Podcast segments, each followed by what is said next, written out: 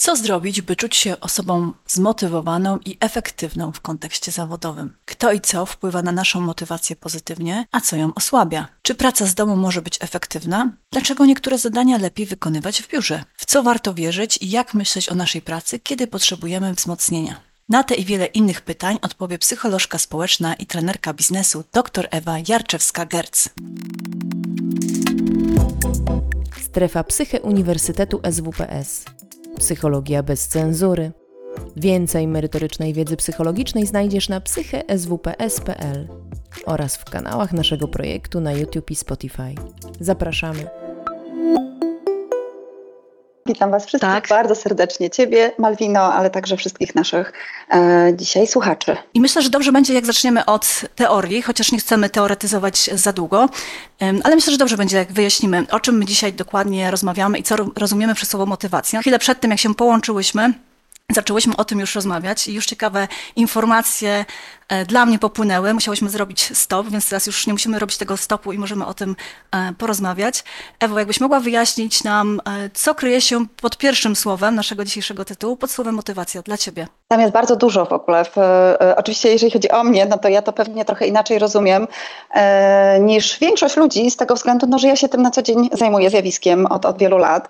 E, I jakbyśmy tak wzięli w ogóle różne podręczniki, książki psychologiczne, no to co autor to inna trochę definicja definicja. Natomiast co oznacza motywacja? Motywacja w ogóle etymologicznie to pojęcie, czyli jakby korzenie tego pojęcia wiążą się z ruchem. Z ruchem. I to jest piękne, dlatego że motywacja to jest ruch. Albo ruch naszych myśli, albo ruch naszego ciała, albo i tego, i tego. E, czyli zazwyczaj jest tak, że najpierw jednak jest jakaś myśl, e, myślimy sobie, trzeba coś zrobić, e, tak? Jest jakiś deficyt, albo jest jakaś rozbieżność między tym, co chciałabym, żeby było, a tym, co jest w tej chwili i, i to już w ruch wprowadza jakby w pewne drgania moje szare komórki, tak bym obrazowo, jednak metaforycznie trochę powiedziała. E, chociaż oczywiście nie do końca metaforycznie, dlatego że następuje aktywizacja pewnych struktur mózgowych, e, na przykład w korze przedczołowej, kiedy zaczynamy planować e, określone działania, no ale potem ten ruch jest taki fizyczny, czyli ja to robię, wykonuję. Jeśli to jest na przykład pisanie, no to przelewam na komputer, na papier swoje myśli, formułuję zdanie, jeśli piszę artykuł. Jeśli to jest tak, że pomyślałam, o muszę iść pobiegać albo chcę iść pobiegać, to chcę i muszę, to też jest fajna kwestia, którą możemy później w paru słowach powiedzieć, bo to często często jest tak, że my chcemy coś zrobić, ale e, tu i teraz mamy ochotę robić inne rzeczy i musimy sobie wtedy powiedzieć, ja muszę to zrobić, bo chcę być ze sobą szczera, dla siebie muszę to zrobić, bo chcę. Czyli finalnie są te chęci, ale czasem troszeczkę tego, tego przymusu takiego wewnętrznego musi być. Więc motywacja to jest wprowadzenie swoich e, myśli w ruch, e, potem swojego ciała w ruch. E, aczkolwiek w psychologii ogólnie w motywacji rozróżniamy dwa takie ważne czynniki i my je troszeczkę właśnie inaczej nazywamy pod pojęciem motywacji bardziej rozumiemy czynnik związany z chęciami. Czyli ktoś jest zmotywowany, wstaje rano i mówi: Super, dzisiaj idę e, wygłosić tę prezentację. Jestem podekscytowana, podekscytowany e, i działam, daję, daję. E, bardzo, bardzo chcę to zrobić. No ale może na przykład coś takiego się pojawić, że jadąc do pracy, coś nas rozproszy, dowiemy się czegoś przykrego na przykład, albo ktoś nas zdenerwuje przeczytam jakąś informację, która jest e, angażująca, przyjeżdżamy do pracy, siadamy do tego komputera i się nagle okazuje, że nie wprawiło to w ruch naszych paluszków, to, że rano wstaliśmy z taką werwą i, e, i chęcią do działania. I drugim ważnym czynnikiem z punktu widzenia efektywnego działania, zarówno w życiu prywatnym, jak i w sytuacji zawodowej, jest czynnik, który nazywamy wolicjonalnym. On się odnosi do naszej siły woli. E, czyli on łączy te chęci pewne wyobrażenie wyniku, które chcemy osiągnąć, z rzeczywistym działaniem. On sprawia, że kiedy przychodzą niesprzyjające warunki, a one bardzo często przychodzą, a niech to będzie pogoda, brak słońca czy deszcz, a niech to będzie właśnie to, że ktoś mnie zdenerwował, e, albo to, że na przykład e, mam dużo tych zadań i, i gdzieś tam nie mam czasu na wykonanie określonego zadania. Czyli chodzi o to, że, przepraszam, że mimo tych barier i tak to robię, tak, to wtedy możemy mówić o motywacji, jeżeli mam te dwa komponenty, o których powiedziałaś. O pełnej mhm. motywacji. I wtedy w ogóle mówimy, definiujemy sobie w ten sposób to kolejne zjawisko, które jest w tytule, czyli wytrwałość. Właśnie. I to jest właśnie wytrwałość. I wytrwałość polega na tym, że robię pomimo. Pomimo, że mi się dzieje nie chce, na przykład nie chce mi się iść na trening, mówi sportowiec, który przygotowuje się do zawodów i wtedy dobry trener mówi mu okej, okay, to zrób to niechętnie. Mhm, ale zrób, prawda? Bo to się liczy potem. Dokładnie, czyli mhm. po prostu zrób to bez chęci, ale to zrób. E, więc, e, więc wytrwałość polega na tym, że ja robię pomimo. Mhm. Nie możemy mówić o wytrwałości w ogóle, kiedy wszystko idzie gładziutko, nie ma żadnych przeszkód, a chciałam zatrzymać się jeszcze na tym słowie wytrwałość, bo mm, myślę sobie, że ono dla ludzi może mieć nie psychologów koniecznie, może mieć e, różne konotacje pozytywne i negatywne.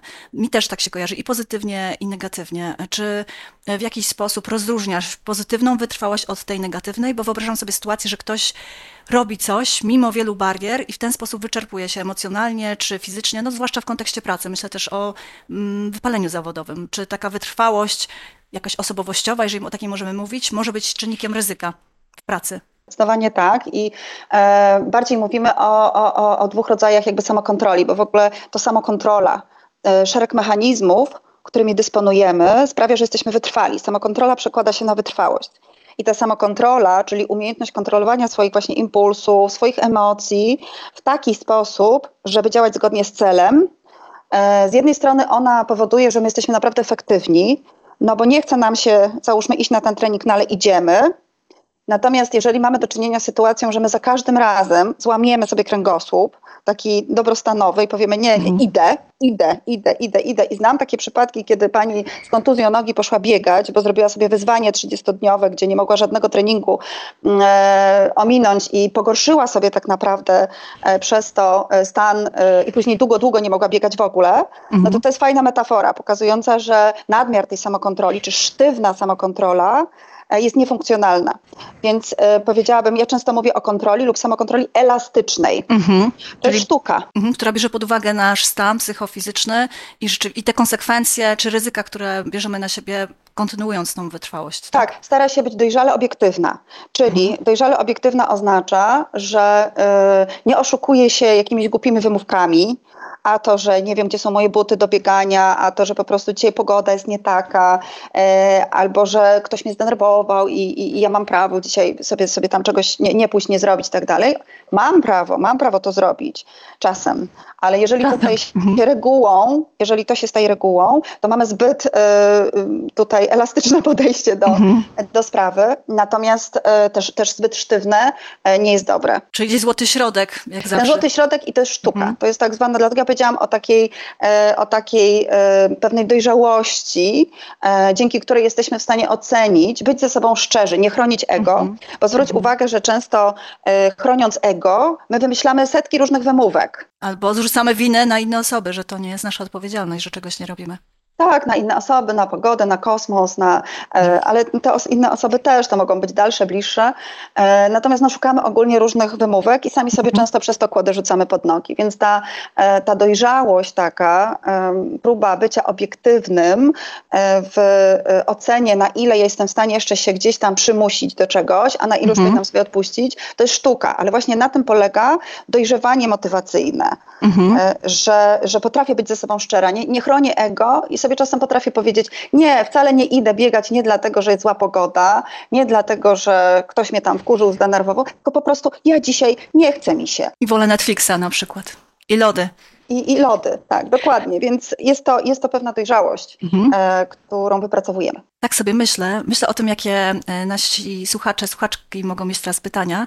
E, I może są osoby, które teraz zastanawiają się nad swoją wytrwałością. Czy ja jestem osobą wytrwałą, czy tą niewytrwałą, czy w ogóle możemy mówić o osobowościowych uwarunkowaniach wytrwałości? Ktoś może powiedzieć sobie, ja po prostu nie jestem osobą wytrwałą i dlatego tylu rzeczy, które bym chciała się podjąć, nie podejmuję się tego.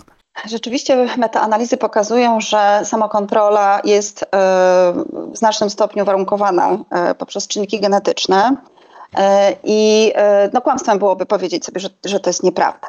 Mhm. Samokontrola, która się przekłada później na wytrwałość, jest związana choćby z, ze stanem zdrowia naszego centralnego e, układu nerwowego, czyli naszego po prostu centrum zarządzania. I na przykład wszystko, co psuje mózg, mówiąc bardzo kolokwialnie, E, wszystko, co niszczy komórki e, mózgowe, jest to niezdrowa dieta, brak ruchu, e, no, moglibyśmy wymieniać różne takie czynniki cywilizacyjne, one będą naszą samokontrolę redukować. Czyli zwróć uwagę, że będziemy wpadać w pewne błędne mhm. koło samokontroli. I teraz wyobraźmy sobie sytuację, bo zdrowie naszego układu nerwowego u zarania, czyli jak przychodzimy na świat, jest na przykład związany między innymi z tym, w jakim środowisku się rozwijaliśmy, płodowym. I załóżmy, jest udokumentowane embriologii, że alkohol jest neurotoksyną i działa toksycznie na mózg rozwijającego się płodu. I załóżmy, mamy sytuację, w której no, dziecko rodzi się e, z fasem, tak? czyli z syndromem zatrucia alkoholowego w ciąży. Już na wstępie jego samokontrola będzie ograniczona, dlatego że ten, e, jego mózg nie miał w stanie tego dziecka, e, nie miał możliwości wykształcić się tak jak w prawidłowej ciąży. Więc będzie jego wybory będą złe, no bo nie ma samokontroli, żeby e, podążać za pewnymi lepszymi, powiedzmy, standardami e, żeby się zmieniać, co będzie negatywnie wpływało znowu na jego centralny układ mm -hmm. nerwowy. Natomiast oczywiście odkładając na bok te taki ten przykład taki patologiczny, ja powiedziałam, mm -hmm. żeby przerysować tę sytuację i pokazać, jak ten mechanizm działa. Na bazie pewnych, e, e, pewnych wyjściowych właściwości naszych, naszej wyjściowej samokontroli, która przekłada się później na wytrwałość, rozwijają się oczywiście różne umiejętności samokontrolne. I samokontrola, tak jak wiesz, Malwina, z większością cech w psychologii różnych trwałych, ja pracuję zresztą w katedrze różnic indywidualnych, że jest pewna baza, predyspozycja. Predyspozycja, mhm. czyli to jest tak, że to nie jest determinant, to jest predyspozycja, czyli coś cię predystynuje do określonych zachowań. Czyli możemy mieć e, na przykład wysoki poziom predyspozycji samokontrolnych i brzydko mówiąc, możemy to zaprzepaścić później mhm. poprzez e, różne sytuacje życiowe, nie zawsze zależne od nas. E, natomiast może być osoba, która ma problemy i miała jako dziecko, no, nie przeszłaby tego testu pianki Waltera Michela. Marshmallow, czy, tak, tak, tak, testu, mhm. testu marshmallow. Jakby zjadłaby sobie wszystkie pianeczki, które gdzieś tam w pobliżu by się znalazły, e, nie odroczyłaby gratyfikacji, a jednak z czasem stara się e, nabywać poprzez uczenie się w ogóle to jest niesamowite, że my się możemy niesamowicie uczyć całe życie, czyli poprzez różne strategie uczenia się, rozwoju, jest w stanie ta osoba wykształcić takie sposoby, które pomogą jej rozwinąć samokontrolę i w konsekwencji mhm. wytrwałość. Czyli to nie jest tak, że ona jest skazana na to, że ona nigdy nie będzie wytrwała. Czyli te osoby, które myślą o sobie, mają przekonanie o sobie, albo już takie doświadczenie, że postrzegają siebie jako osoby niewytrwałe, to jest dla Was nadzieja. Można e, pewnymi strategiami, ćwiczeniami, tak dbałością o swój mózg i też podejmowaniem pewnie aktywności, e, które są związane z realizacją e, konkretnych celów, tą wytrwałość wzmacniać. Tak, i to nie jest dla wszystkich dobry e, news. No tak, bo cały czas na tym musimy pracować, prawda? Tak, ale też, że czasem jak to słyszymy, to e, wygodniej nam było siedzieć w naszym e, takim grajdołku i myśleć sobie, nie, ja nie mogę nigdy się zmienić, bo ja i zacieramy rączki, no tak. bo ja jestem taka, a taka. A tak trochę przechodząc już do wskazówek, to jak wiemy, że możemy nad tym pracować, nad wytrwałością, i tak samo możemy też pracować nad swoją motywacją. E, to chciałam Cię zapytać o to, takie duże pytanie może, e, jakie wskazówki dałabyś najważniejsze osobom pracującym w czasach postpandemicznych? O jakie aspekty należałoby zadbać, żeby czuć motywację do pracy? Samoczucie motywacji to już jest dużo, ale właśnie też później to musi przekładać się na te działania związane z realizacją, zaangażowaniem, e, te samokontrolne. Natomiast jest, jest, jest mnóstwo e, pewnych technik, praktyk, e, czy też powiedziałabym takich kwestii związanych ze zmianą schematów myślenia, które pomagają nam zachować taki dobry poziom energetyczny.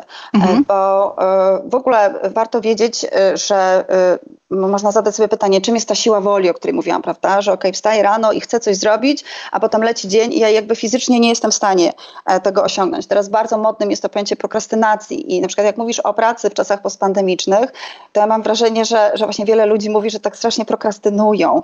E, to się stało zresztą modne w pewnym sensie, żeby mówić, no ja prokrastynuję i to jest tak jakby, i teraz jakby w świecie musisz zrozumieć, że ja nie robię że tak pewnych tak rzeczy, że ja tak mam. A myślisz, że to jest związane z tym, że pracujemy w domu i właśnie prokrastynujemy, żeby, nie wiem, zrobić obiad, pranie, czy wyjść z psem, albo, nie wiem, posiedzieć sobie z kawką na tarasie, jeżeli ktoś ma. E, czy to może być związane z, z miejscem naszej pracy?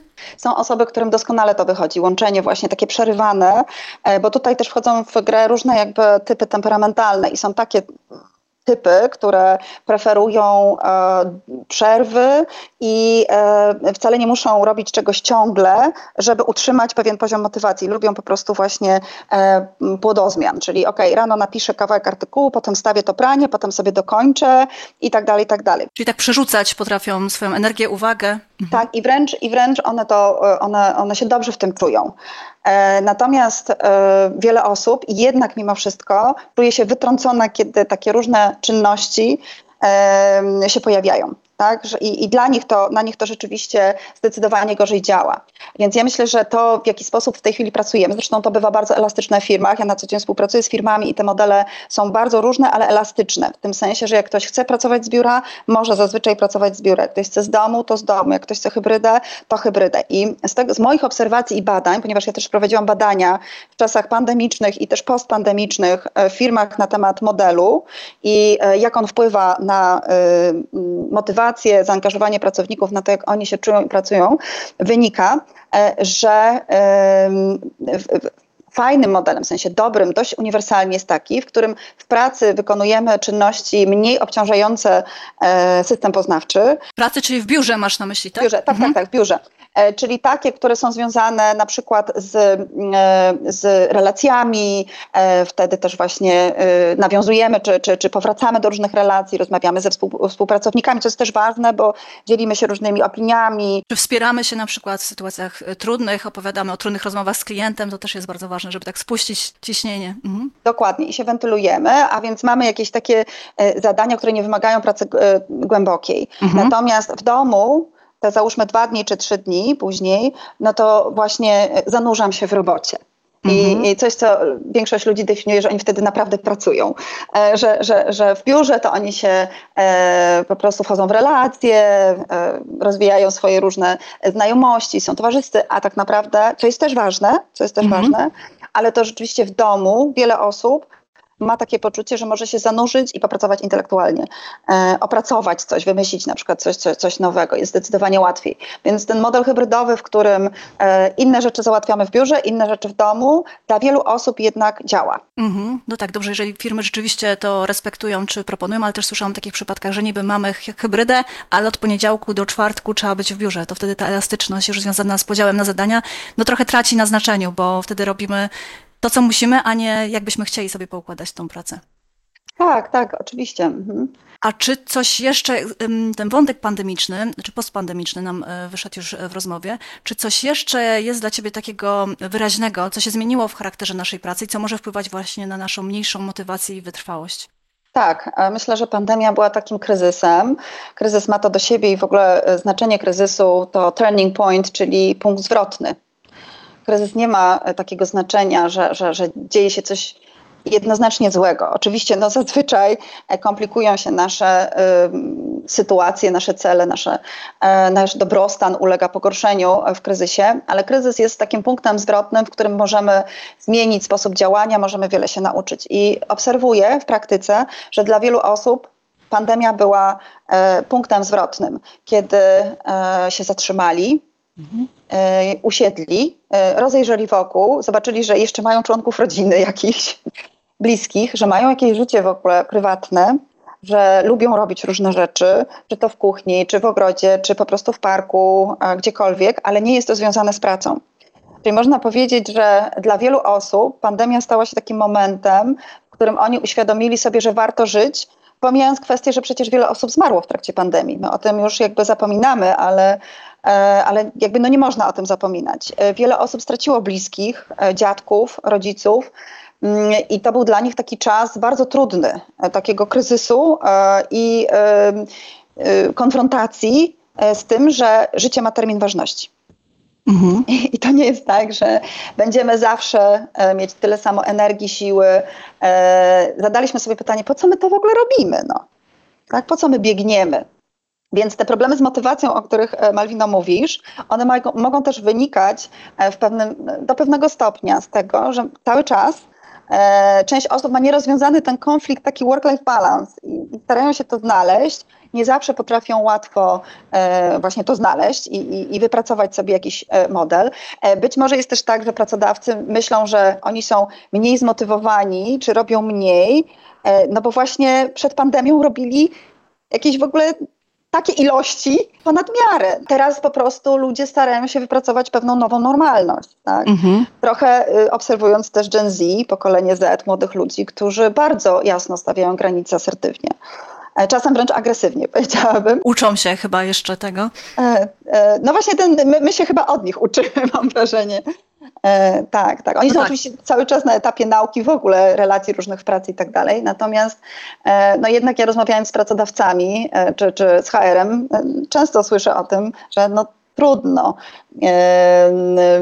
zbudować szybko i łatwo relacje e, z przedstawicielami młodego pokolenia, bo oni mają inne spojrzenie w ogóle na pracę. Mhm. A relacje zawsze wydaje mi się, że wymagają czasu, prawda? Że trudno jest zbudować relacje nie mając takiego kontaktu i ten kontakt też face to face, które starsze pokolenia często częściej praktykują niż e, Gen Z. Mm, to może powodować też, że e, trudniej jest nam w kontekście pracy zadbać o właśnie o relacje o relacje. E, tu nie, nie, nie ma w ogóle, powiedziałabym, innej możliwości niż, yy, znaczy, żeby zbudować dobrą relację, niż się spotykać, przynajmniej od czasu do czasu. Znaczy, taki kontakt zdalny jest fajny i wszyscy o tym wiemy, bo przeżyliśmy pandemię.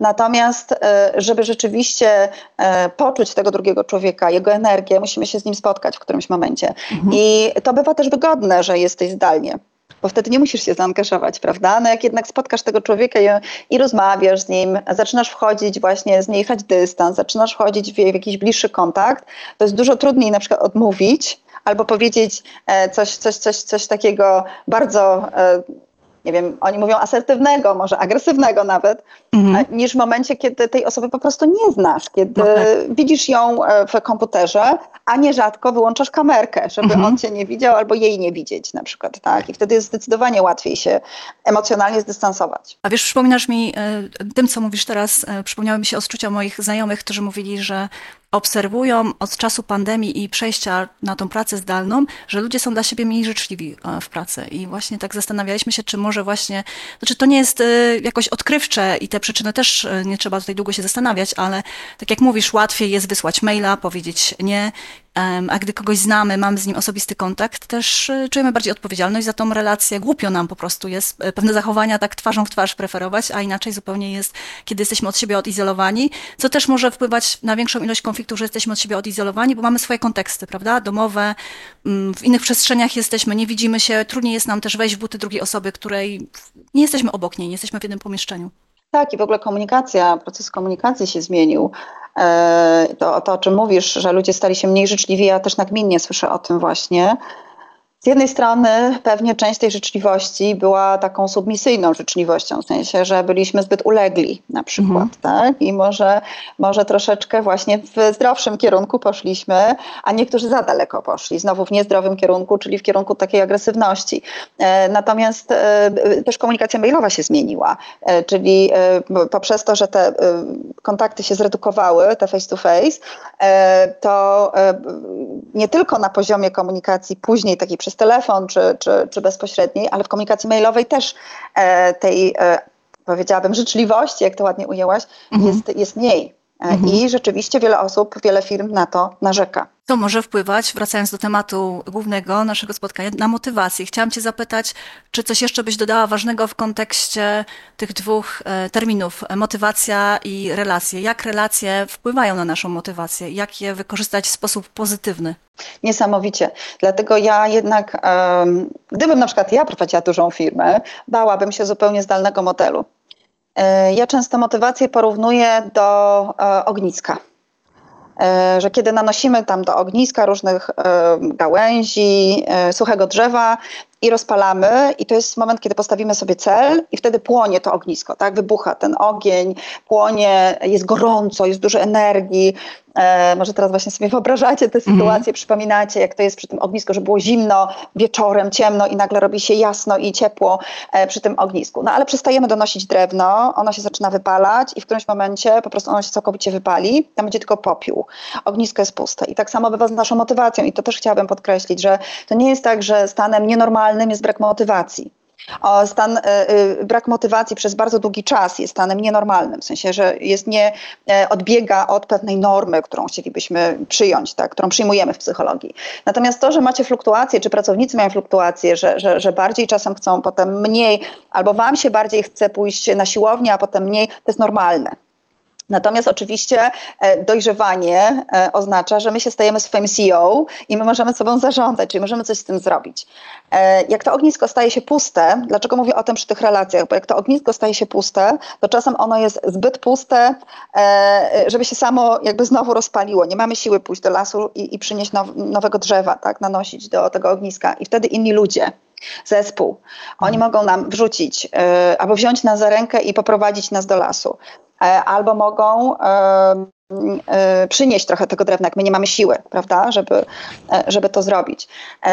Więc to jest bardzo ważna rola tych innych ludzi, szczególnie jakby w środowisku pracy, ale oczywiście w środowisku domowym tak samo. To nasza rola rodziców, partnerów, żeby się wzajemnie wspierać. I warto to wiedzieć też z drugiej perspektywy, że to my możemy być też tą pomocną dłonią w rozpalaniu ogniska u innych, że inni też nas potrzebują. Mhm. I na tym w ogóle opiera się zespół, że zespół jest czymś więcej, zespół jest synergią. On jest czymś więcej niż składem liczbowym, nie wiem, trzy osoby, czyli to jest jeden plus jeden plus jeden. To jest, to, to, ten jeden plus jeden plus jeden staje się jeden. A powiedz, czy znasz jakieś praktyczne e, przykłady, na pewno znasz, ale prosimy, żebyś nam powiedziała, e, w jaki sposób zespół właśnie może zadbać o to, żeby tą motywacją się zarażać e, w tych czasach to zarażanie jest takie bardzo charakterystyczne dla epoki postpandemicznej, ale właśnie co zrobić, żebyśmy mogli to, o to ognisko wspólnie zadbać, kiedy nie zawsze tak jest, że możemy się zobaczyć i pracujemy w jednym pomieszczeniu czy w budynku? E, to znaczy, to mogą być, e, znaczy polecam spotkania face to face przynajmniej od czasu do czasu, tak, jeżeli jest zespół i, ale wiem, że to się dzieje. W większości firm, e, przynajmniej z którymi ja współpracuję, są takie momenty, w którym zespół się spotyka, one są bardziej lub mniej formalne, te spotkania, często jednak mają e, jakiś cel, e, czyli to nie tylko, żeby się spotkać, zjeść pizzę, ale zrobić sobie jakiś warsztat kreatywny i wtedy zjeść pizzę. Mhm. Tak, więc rekomenduję z praktyki to, żeby od czasu do czasu i to od czasu do czasu bywa różne. W większości jest to na przykład raz w miesiącu. Mhm. I rzadziej nie, rzadziej nie. W niektórych firmach to jest także raz w tygodniu. E, to fizyczne spotkanie całego zespołu następuje. Myślę, że można przyjąć na przykład e, taki e, standard, że trzy razy w miesiącu widzimy się zdalnie regularnie, ale potem ten raz w miesiącu wszyscy się zjeżdżamy i, i spotykamy razem, razem w firmie. Chciałabym też, Malwina, zwrócić uwagę na to, że no nie zawsze też ci inni ludzie nam przyniosą to drewno. Oni czasem nam zabiorą z tego. No tak.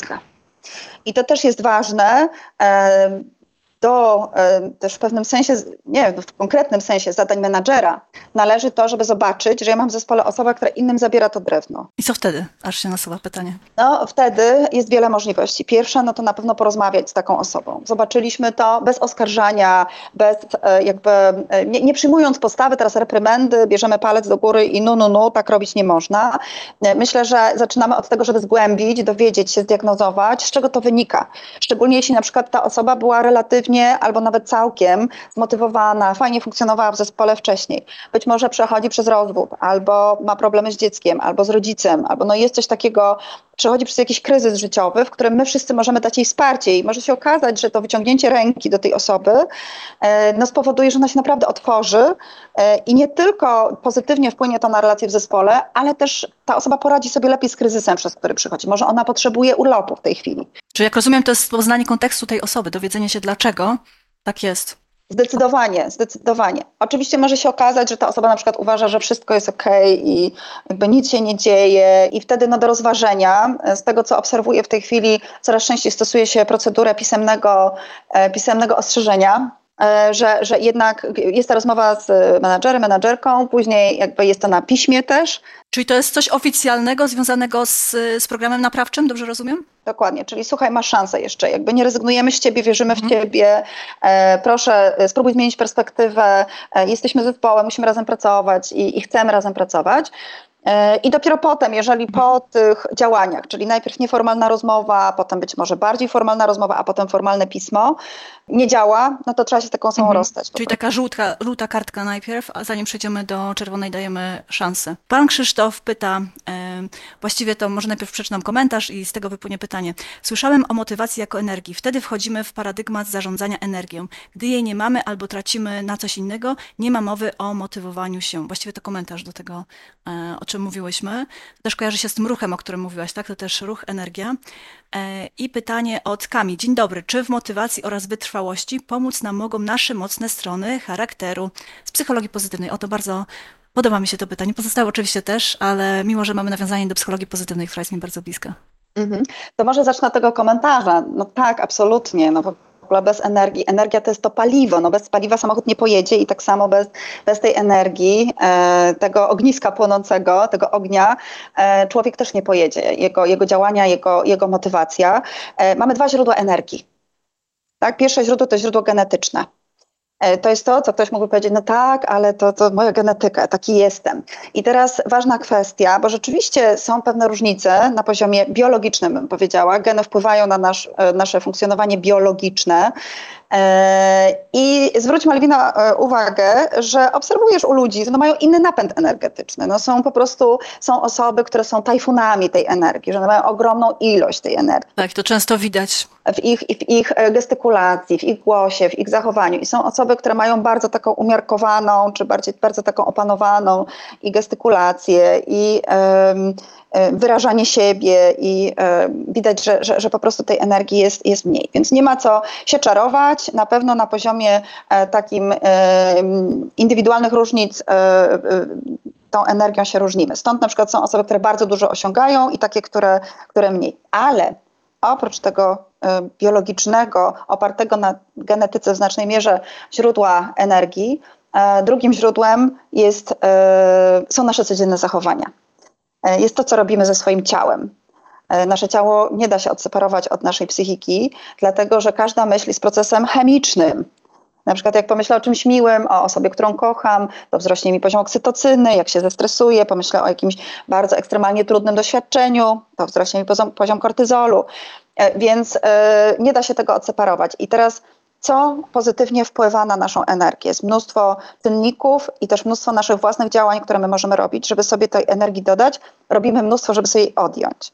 Czyli na przykład ten maraton z Netflixem do trzeciej, czwartej, Dużo. a potem tak, e, ale wiem, że ludzie tak e, robią z praktyki. To, no i później śpimy załóżmy trzy godziny, wstajemy, no jak mamy mieć tę energię? I na przykład wszystko nam się sypie, załóżmy, tak? Jesteśmy zmęczeni tym dniem, jesteśmy sfrustrowani, jesteśmy źli na siebie. I jak wracamy do domu, zjemy sobie obiadek, kolację, czy tam e, e, zależy, rekomenduje się obiad w ciągu dnia, później kolację. E, natomiast no, zjemy jakiś posiłek i chcemy sobie poprawić nastrój bo ten nastrój jest kiepski. I, I, po prostu wpadamy w to błędne koło. E, w którymś momencie tej energii nie mamy. Ja w ogóle e, pracuję z ludźmi, którzy przechodzą taką transformację, że na przykład żyli bardzo niezdrowo, e, jedną z moich takich nóżek, którymi mhm. się zajmuję w psychologii, jest zdrowy styl życia, dlatego że dla mnie psychologia motywacji, tutaj fajnie pan Krzysztof zauważył naprawdę, jest jakby podstawą jest właśnie energia, no zdrowy styl życia. Jeżeli żyjemy niezdrowo, nie mamy energii, jesteśmy niezmotywowani.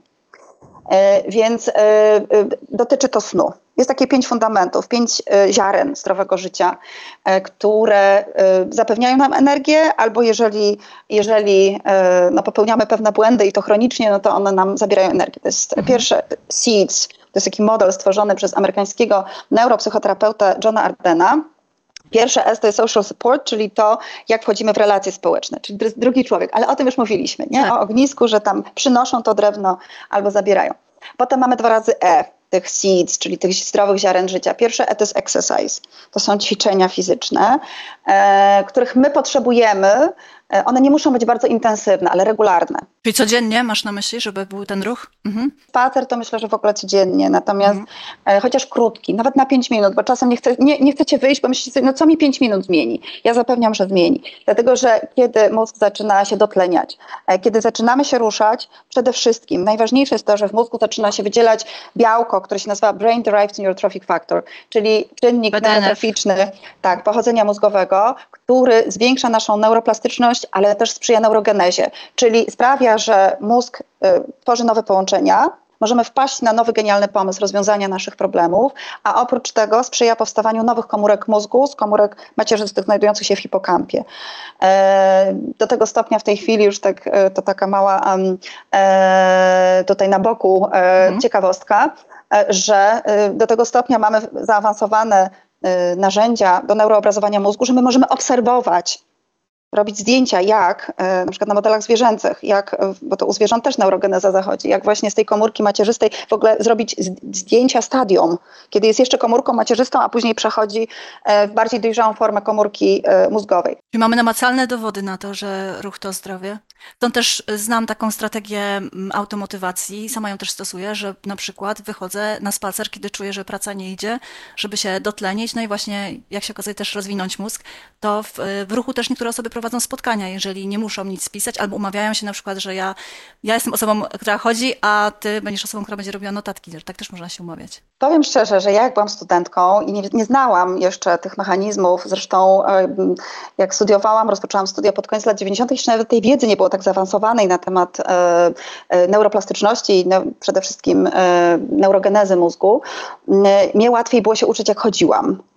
I jakby w ogóle wtedy nie skojarzyłam, że, że, że to, to dzięki temu mózg jest bardziej, przyjmuje ten materiał, którego się uczyłam. Ale kończąc te SITSy, czyli exercise, to są te ćwiczenia i one naprawdę nie, zachęcam Państwa nie, do, nie dlatego do nich, żeby tam e, sześciopaki czy, czy jakieś inne e, e, wytwarzać. Oczywiście jak macie ochotę, to świetnie, e, dbajcie o, o, o, wygląd, ale to przede wszystkim chodzi o zdrowie mózgu. Kolejne E to jest education i to jest fitness dla mózgu, czyli to jest uczenie się nowych rzeczy. E, to jest świadome czytanie, świadome uczenie się czegoś, co jest też relatywnie trudne, bo mózg się rozwija wtedy, kiedy coś jest trudne. Jak jest super łatwe i ciągle robimy to samo, e, to, to, to, to mózg się nie rozwija.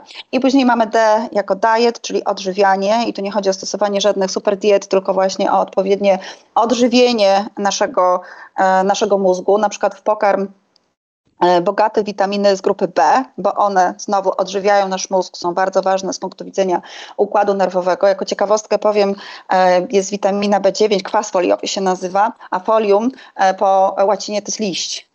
Czyli wszystkie liściaste, zielone e, warzywa typu szpinak, e, typu rukola, sałata zielona, roszponka, one zawierają bardzo duże ilości właśnie tego kwasu foliowego. E, no i ostatnie to jest lip, czyli to jest sen. No bez tego trudno sobie wyobrazić, żeby, żeby ta energia była, o której pan Krzysztof wspominał której mhm. potrzebujemy do tego, żeby w, e, wprowadzać nasze ciało e, w ruch. No a drugie to było pytanie, tak, dotyczące tak. psychologii pozytywnej, swoich mocnych, e, mocnych stron. Opoznawanie ich, czy może nam pomóc budowanie motywacji, wzmacnianie swojej motywacji dzięki temu właśnie, że poznamy swoje mocne strony. Tak, myślę, że w ogóle bardzo fajnie jest budować samoświadomość. Ta samoświadomość dotyczy właśnie tego, po pierwsze, co lubimy robić i co robimy dobrze, czego nie lubimy, ale ta samoświadomość może też polegać na tym, e, żeby się zastanowić, dlaczego ja tego nie lubię i czy ja chcę to robić, czy tego nie chcę robić. Bo może być tak, że ktoś powie, ja nie lubię się komunikować z ludźmi, no to ja nie muszę. Mhm, i rezygnuję. I rezygnuję, a to nie jest tak do końca. To nie jest tak do końca, prawda? Więc jak najbardziej i to zwrócenie uwagi właśnie na swoje mocne strony. Większość ludzi, kiedy ich zapytamy o to, jakie mają te mocne strony, to yy, yy, w sumie to nie wiem. Chyba, że robili testy, popularne coraz bardziej testy Galupa i wtedy posiłkują się um, informacją, że mi z testu wyszło, że to też dla mnie jest takie zastanawiające, że jest ta trudność, żeby powiedzieć mam to, albo czuję, że jestem w tym i w tym dobra, tylko zasłanianie się kwestionariuszem czy testem, bo test mówi mi, że ja jestem osobą na przykład, która ma e, lekkość w budowaniu kontaktów czy sieci społecznych. My się wstydzimy chwalić, dlatego mówimy, to test powiedział, to nie ja, to nie, że tak. jestem taka próżna e, i zachwycona sobą, tylko to po prostu test mi powiedział, że ja, że ja taka jestem. Mm, ja trochę na co dzień staram się z tym walczyć i pokazywać ludziom, że nie ma nic złego w tym, że, mm, że się chwalą, że y, wskazują na różne swoje dobre strony, mocne strony i to jest cudowne po prostu. Że tym też można zarazić innych, żeby też myśleli o sobie w taki sposób bardziej pozytywny.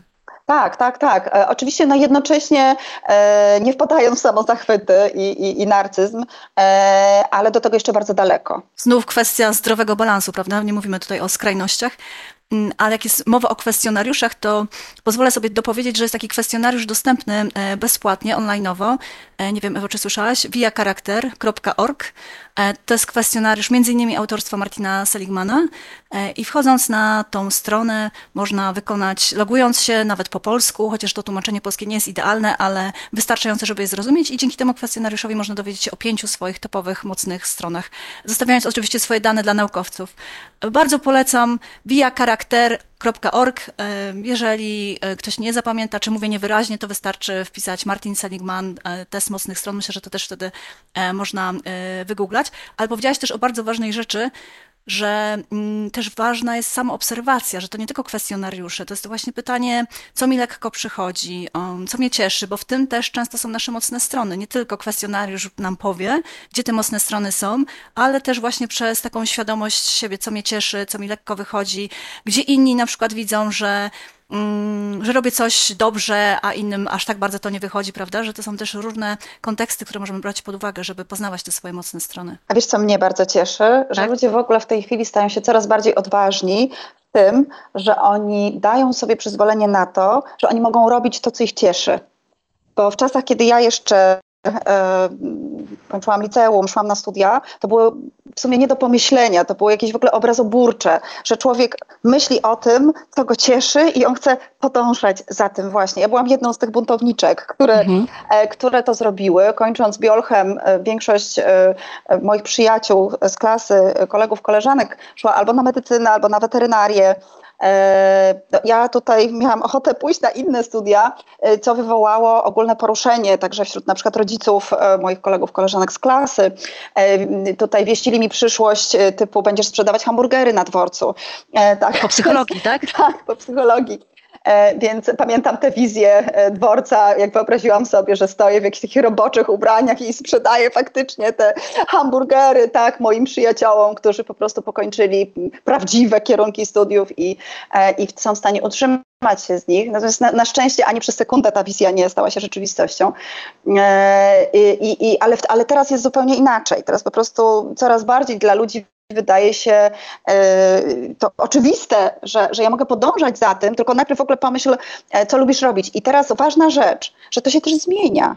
I to jest normalne, że to się może zmienić, że dzisiaj na przykład robisz coś, ale nie odkryłaś jeszcze czegoś, bo nie robiłaś tego tak, z jakichś powodów. I może się okazać, że jak będziesz mieć 30 lat, 40 lat, to odkryjesz i, i będziesz chciała w to iść i będziesz chciała to robić. Stąd też warto otwierać się na nowe, doświadczenia, próbować nowych rzeczy, jak też mówiłaś o tym rozwijaniu mózgu, tak, żeby pozyskiwać nową wiedzę, bo dzięki temu też możemy właśnie odkryć, że coś nas cieszy i to może być impuls na przykład do zmiany zawodu, bo czasami też y, tak bywa. Zresztą mówi się o tym, że częściej, coraz częściej będzie ta zmiana y, nas dotyczyć, czy będzie wręcz konieczna w związku z tym, jak zmienia się rynek pracy. E, Malwino, nie wiem, czy e, znasz e, tę koncepcję, ale tak naprawdę stanowi to ta otwartość na inność, na nowość, na różnorodność, na coś, co mi nie smakowało kiedyś, co było dla mnie dziwne.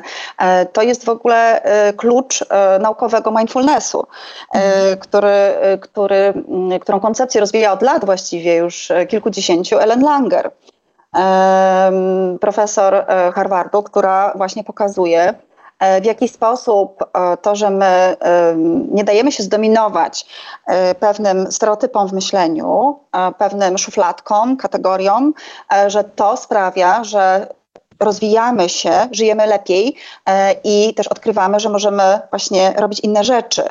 E, które dają najwięcej, nam, nam więcej e, szczęścia. Być może e, kojarzysz to badanie z pokojówkami w hotelu. Tak, a wiesz, że słyszałam na konferencji bezpośrednio jeszcze w czasach przedpandemicznych. Miałam przyjemność słuchać właśnie tej opowieści, ale myślę, że jest bardzo ciekawa, jakbyś mogła nam wszystkim opowiedzieć.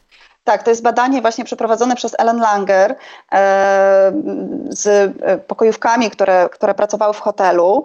E, I ona przyszła, przyszła do tych pań i mówi, słuchajcie, bo to bardzo męcząca praca, wiadomo, można sobie wyobrazić.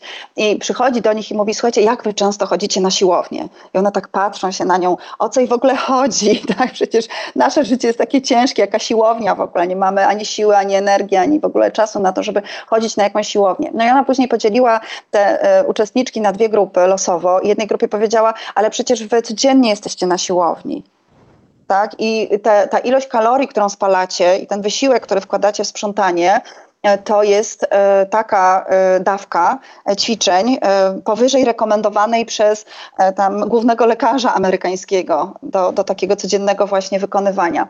Druga grupa wciąż miała tylko sprzątać, czyli ona powiedziała im tak, tej grupie pierwszej, następnym razem jak pójdziecie do pracy, to róbcie to uważnie, uważnie, czyli jak będziesz ścielić łóżko, to zwróć uwagę, tak, że ćwiczysz mięśnie, na przykład tutaj y, mięśnie, mięśnie ramion, przedramion, y, jak odkurzasz, jak się schylasz, gdzieś tam coś myjesz, spalasz kalorie, y, ćwiczysz te mięśnie, jak na przykład chodzisz z odkurzaczem, możesz jednocześnie napinać pośladki, tak, i, i ujędrniać je w ten sposób.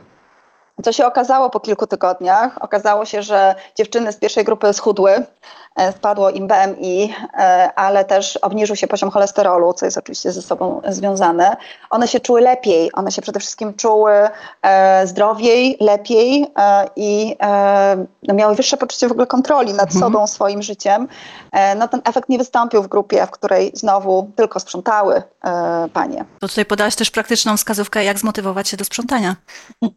Tak, e, dwa w jednym e, można, można zrobić i mieć czysty dom, ale też przy okazji właśnie troszkę tam te mięśnie poćwiczyć. Mhm.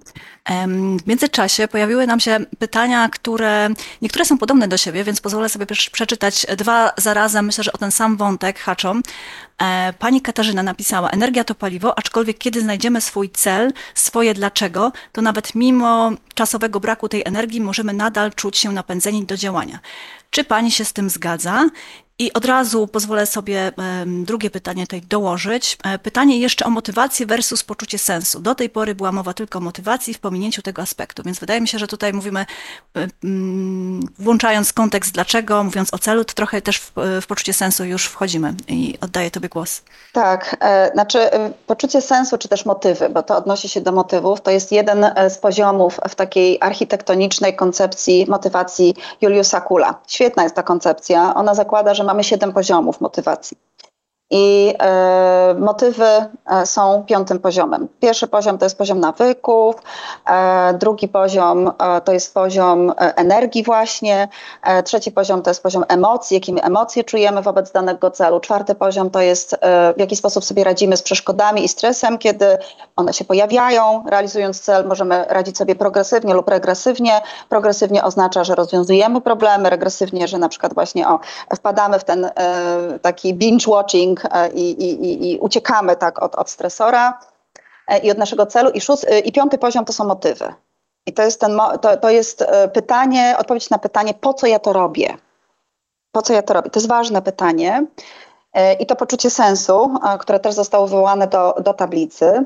I teraz z tej pierwszej wypowiedzi, ona mi się bardzo podoba, że mogę robić, nie mam energii, a robię, bo mam motyw. Ale zwróćcie uwagę, że czasem e, to, czasem to działa, czasem to nie działa. Znaczy, znam historię znajomego, który podczas biegu na pustyni są takie jakieś te ranmagedony, takie e, koszmarne na pustyniach różnych, po prostu odcięło go, no, stracił energię, e, przewrócił się, wylądował na ziemi, mówi nie wstanę, nie wstanę, nie ma takiej, e, takiej możliwości. I wtedy proces myślowy pokierował go, e, wrócił do tego, po co on to robi. Ja nie będę mówić, jaki to był motyw, to był bardzo poważny motyw, mhm. związany też z procesem żałoby e, z pewną osobą.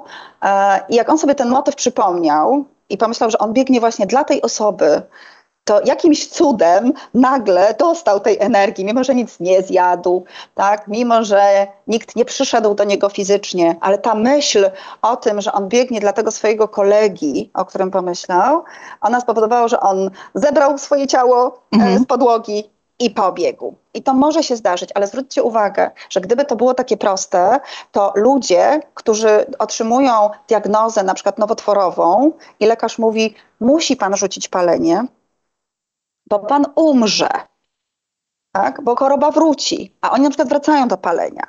E, czyli motyw jest, i to nie jest tak, że oni są samobójcami.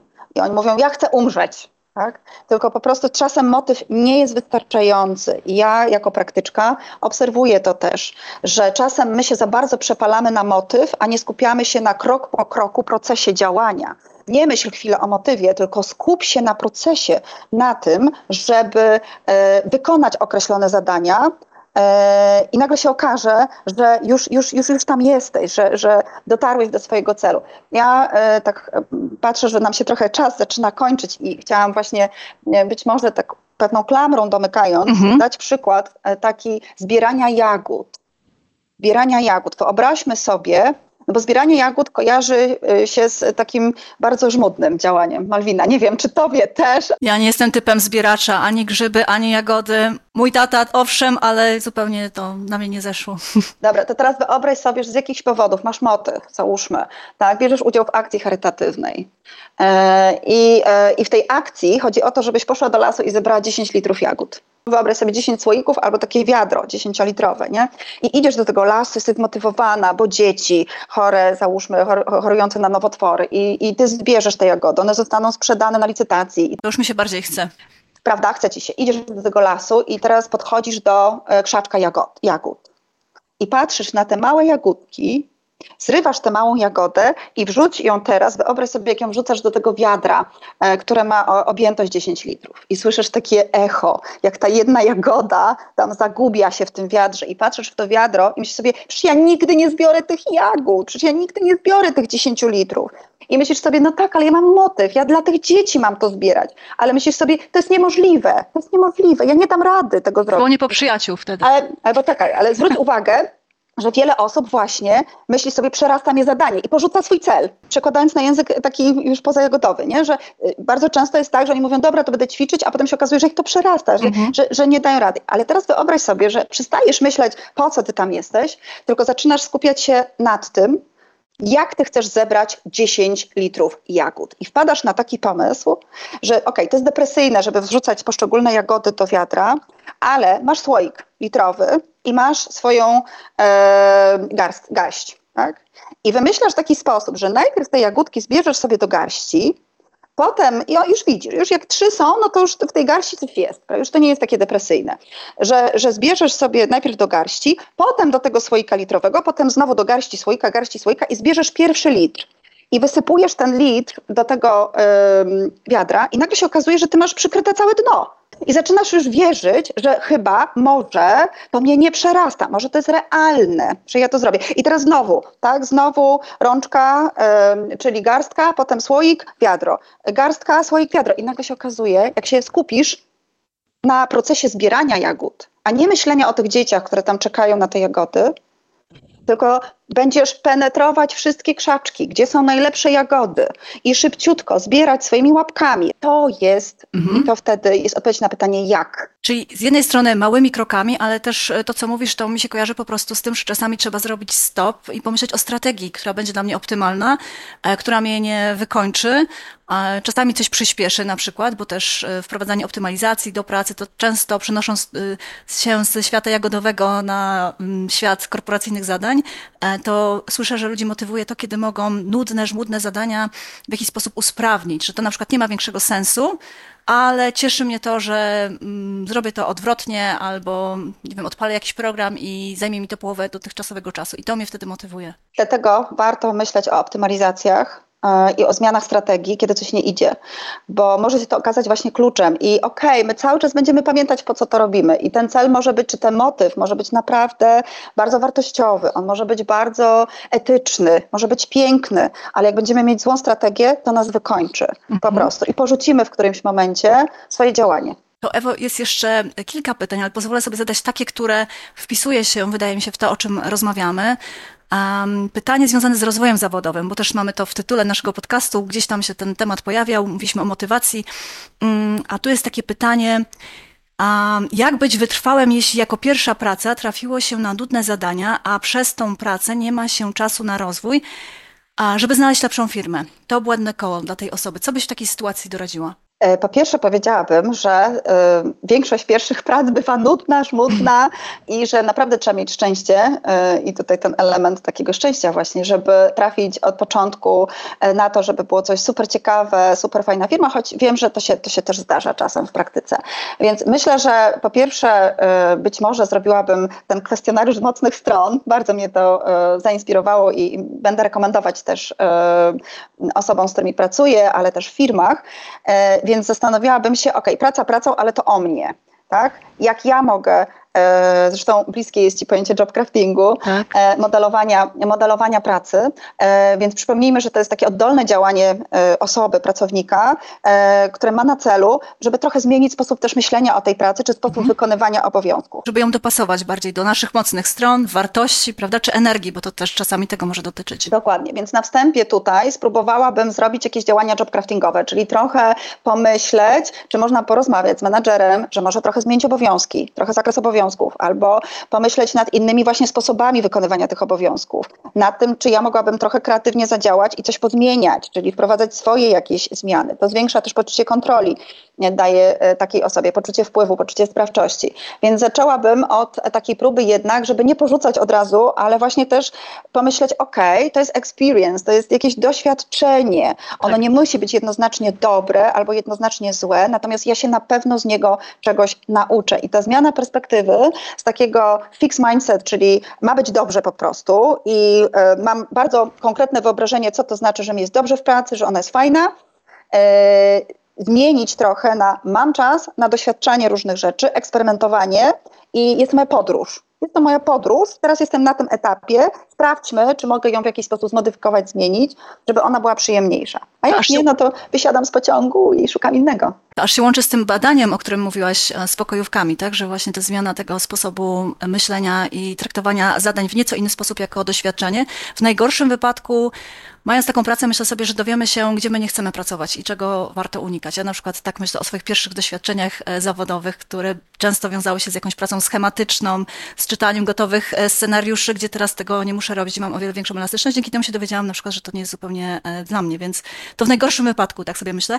I y, czas dobiega końca, ale Ewa, jeśli pozwolisz, jeszcze jedno pytanie związane z rozwojem zawodowym, bo tego tematu nieco nam, nieco było mniej go w naszej rozmowie, a myślę, że istotny bardzo temat dla naszych e, słuchaczy, słuchaczek. Co zrobić, jeśli w rozwoju zawodowym jest się tym średnim i jest się świadomym, że nigdy nie dogoni się najlepszych z branży? Czyli tutaj jest mowa o jakimś przekonaniu, które mm, autor tego pytania ma. To bardzo właśnie sztywne przekonanie. E, I e, myślę, że w takiej sytuacji no jednak praca jeden na jednego z jakimś doradcą, e, coachem, mentorką, czasem nawet terapeutą, terapeutką mogłaby być pomocna, dlatego że tu wyraźnie widać pewne schematy. My nie możemy zakładać, że, że, że, że, zawsze inni są lepsi albo my jesteśmy zawsze lepsi. To jest bardzo sztywne, to jest bardzo nieelastyczne przekonanie. Jest taki fantastyczny stary model, który się nazywa ABC, dlatego nim powiem, bo on jest prosty jak ABC, stworzony przez e, Elisa, e, model e, terapeutyczny, ale do zastosowania także w rozwoju zawodowym. A to jest activating event, czyli jest jakaś sytuacja, która aktywizuje. B, czyli beliefs, pewne nasze przekonania i tu właśnie to przekonanie się pojawiło, przekonanie o tym, że ja nie wiem, zawsze będę średnim, nigdy nie będę e, powyżej czegoś. E, I później C, to są consequences, czyli to są konsekwencje, to są zachowania, to są emocje, e, to są późniejsze myśli, które ja mam e, wywołane właśnie e, aktywizacją pewnego schematu. I w pracy e, takiej rozwojowej terapeuta czy coach, mentor pracuje nad zmianą B, czyli beliefs. E, bo nie możemy zmienić events, no bo one się dzieją po prostu, e, ale możemy zmienić swoje, e, swoje przekonania. Na przykładzie, jaki daje sam e, autor, e, e, na przykład jeżeli chcesz, chcesz, chcesz być członkiem chóru, tak, startujesz, aplikujesz do chóru, chcesz śpiewać w chórze i przychodzisz, to jest activating event, nie zostajesz przyjęta zostajesz odrzucona. I e, takim belief, który jest sztywny, jest jestem do bani, nigdy nie będę śpiewać, nikt mnie nie chce. I konsekwencją jest, że czujesz się, e, e czujesz smutek, e, czujesz jakąś żałobę, e, bo tracisz coś, jakąś wiarę w to, że, że możesz być członkiem tego chóru. I e, zmiana belief na okej, okay, to oznacza, ja dzisiaj nie weszłam, dzisiaj nie zostałam przyjęta, to chyba muszę więcej popracować jeszcze nad moim głosem. Mhm. Dobra, to idę, zapisuję się na lekcję śpiewu bo, bo, nie chodziłam na nie. Wydawało mi się tylko, że dobrze śpiewam, a, ale może trzeba nad tym głosem popracować. Czyli jakby zmiana schematu polega na tym, że ja trochę zmieniam e, ten sztywny, to sztywne przekonanie, sztywną myśl na coś, z czym można cokolwiek zrobić. Bo to jest bardzo deterministyczne, co przed chwilą słyszałyśmy, prawda? To jest mhm. zamykające, determinujące. Więc zmiana schematów może spowodować, że zmienimy też stosunek do siebie i nagle się okaże, że znajdziemy niszę, w której będziemy najlepsi I ta wytrwałość też jest łatwiejsza na pewno do uruchomienia, jeżeli wierzymy, że ona do czegoś nas doprowadzi, że my e, możemy. To mi się kojarzy też z tym znanym, wypowiedzianym słowem przez Karol Dweck, tym powiedzeniem, że jeżeli nam coś nie wychodzi, warto myśleć, że jeszcze nie teraz. Nie, że to nie jest dla mnie, tylko że jeszcze nie teraz właśnie, że mogę innymi drogami jeszcze ćwiczyć, praktykować i wrócić do, czego, do tego, na czym mi zależy. Dokładnie. Mhm. Ewo, bardzo dziękujemy Ci za mnóstwo y, wiedzy i też praktycznych e, sposobów. Bardzo dobrze mi się z Tobą rozmawiało. Mam nadzieję, że słuchaczom będzie się dobrze słuchało też e, naszego podcastu, gdy to już webinar zamieni się w podcast. Państwu bardzo dziękujemy za wartościowe pytania, które pozwoliły nam poszerzyć spektrum odpowiedzi i kwestii, które tutaj e, poruszałyśmy. Zapraszamy na kolejne e, podcasty w ramach strefy psyche pojawią się w najbliższym czasie też tematy związane z wypaleniem zawodowym i z mobbingiem, więc tutaj takie mm, smutniejsze tematy poruszymy, ale też pewnie będą one zahaczać znów o motywację. Zapraszamy do strefy psyche na bloga, żeby czytać artykuły, też oglądać webinary, które są tam, są tam dostępne. E, I Ewo, jeszcze zupełnie ostatnia rzecz na koniec. E, czy miałabyś jakieś lektury mm, do polecenia naszym słuchaczom, słuchaczkom? Przywołałaś Karol Dweck, e, która absolutnie e, jest, powiedziałabym, pierwsza na liście jeśli chodzi właśnie o takie kwestie rozwojowe, takie sensowne kwestie rozwojowe, chociaż akurat jej książka po polsku nosi taki tytuł, który może tak, nie brzmi za dobrze. Nie brzmi mhm. za dobrze, bo to jest nowa psychologia sukcesu. E, więc to jest niefortunne. E, Pewnie wydawnictwo albo coś tutaj nie zagrało. Coś tu nie zagrało, bo po polsku to brzmi jednak źle. E, natomiast bardzo gorąco polecam tę książkę i jest, jest, jest fantastyczną lekturą. Myślę, że dla osób, które na przykład interesują się rozwojem, no bo też o tym mówimy, ale od takiej też strony, bo tutaj rozwój od strony takiej czysto psychologicznej udłek. Natomiast jeżeli interesują się dodatkowo takim rozwojem biopsychologicznym, czyli który bierze pod uwagę właśnie też nasz układ nerwowy, e, to bardzo polecam e, książkę, e, która jest napisana przez Johna Ardena, o którego modelu dzisiaj mówiłam, SEEDS, mm. czyli neuronauka w psychoterapeutycznym procesie zmiany i to też jest trudny tytuł. Po polsku, po angielsku to jest brain to brain, o ile dobrze pamiętam. To tłumaczenia polskie. Tak, dużo, dużo łatwiejszy. E, ale ogólnie dotyczy właśnie neuronauki. Ma tam bardzo praktyczne wskazówki, bardzo, nie tylko dla terapeutów, nie tylko dla profesjonalistów, ale dla po prostu pacjentów, ludzi i na, nas, zwykłych ludzi. E, więc, e, którzy chcemy dokonać jakiejś zmiany, więc polecam też tę książkę. Więc chyba na szczycie listy to te dwie pozycje. Mhm. Oczywiście polecam też swoją książkę. Opowiedz tytuł. Symulacje mentalne, rola wyobrażeń w osiąganiu celów. To już jest taka całkiem wiekowa, z 2015 roku. Ja teraz przygotowuję kolejną świeżą, natomiast też jest to książka, w której znajdziecie Państwo bardzo praktyczne wskazówki dotyczące tego, w jaki sposób możemy swoją motywacją zarządzać. Super. Myślę, że osoby, które nas słuchały po usłyszeniu Ciebie dzisiaj będą chciały też dowiedzieć się więcej, sięgną po książki. Na pewno jeszcze nie raz Ewa będzie też gościnią podcastu Strefy Psyche. E, zresztą już byłaś, więc też pewnie można odszukać podcasty z Twoim udziałem. To jeszcze raz dziękujemy Państwu za to wytrwałość w byciu z nami. Mam nadzieję, że to było przyjemne doświadczenie. Do usłyszenia w kolejnych spotkaniach. Bardzo dziękuję. Dzięki.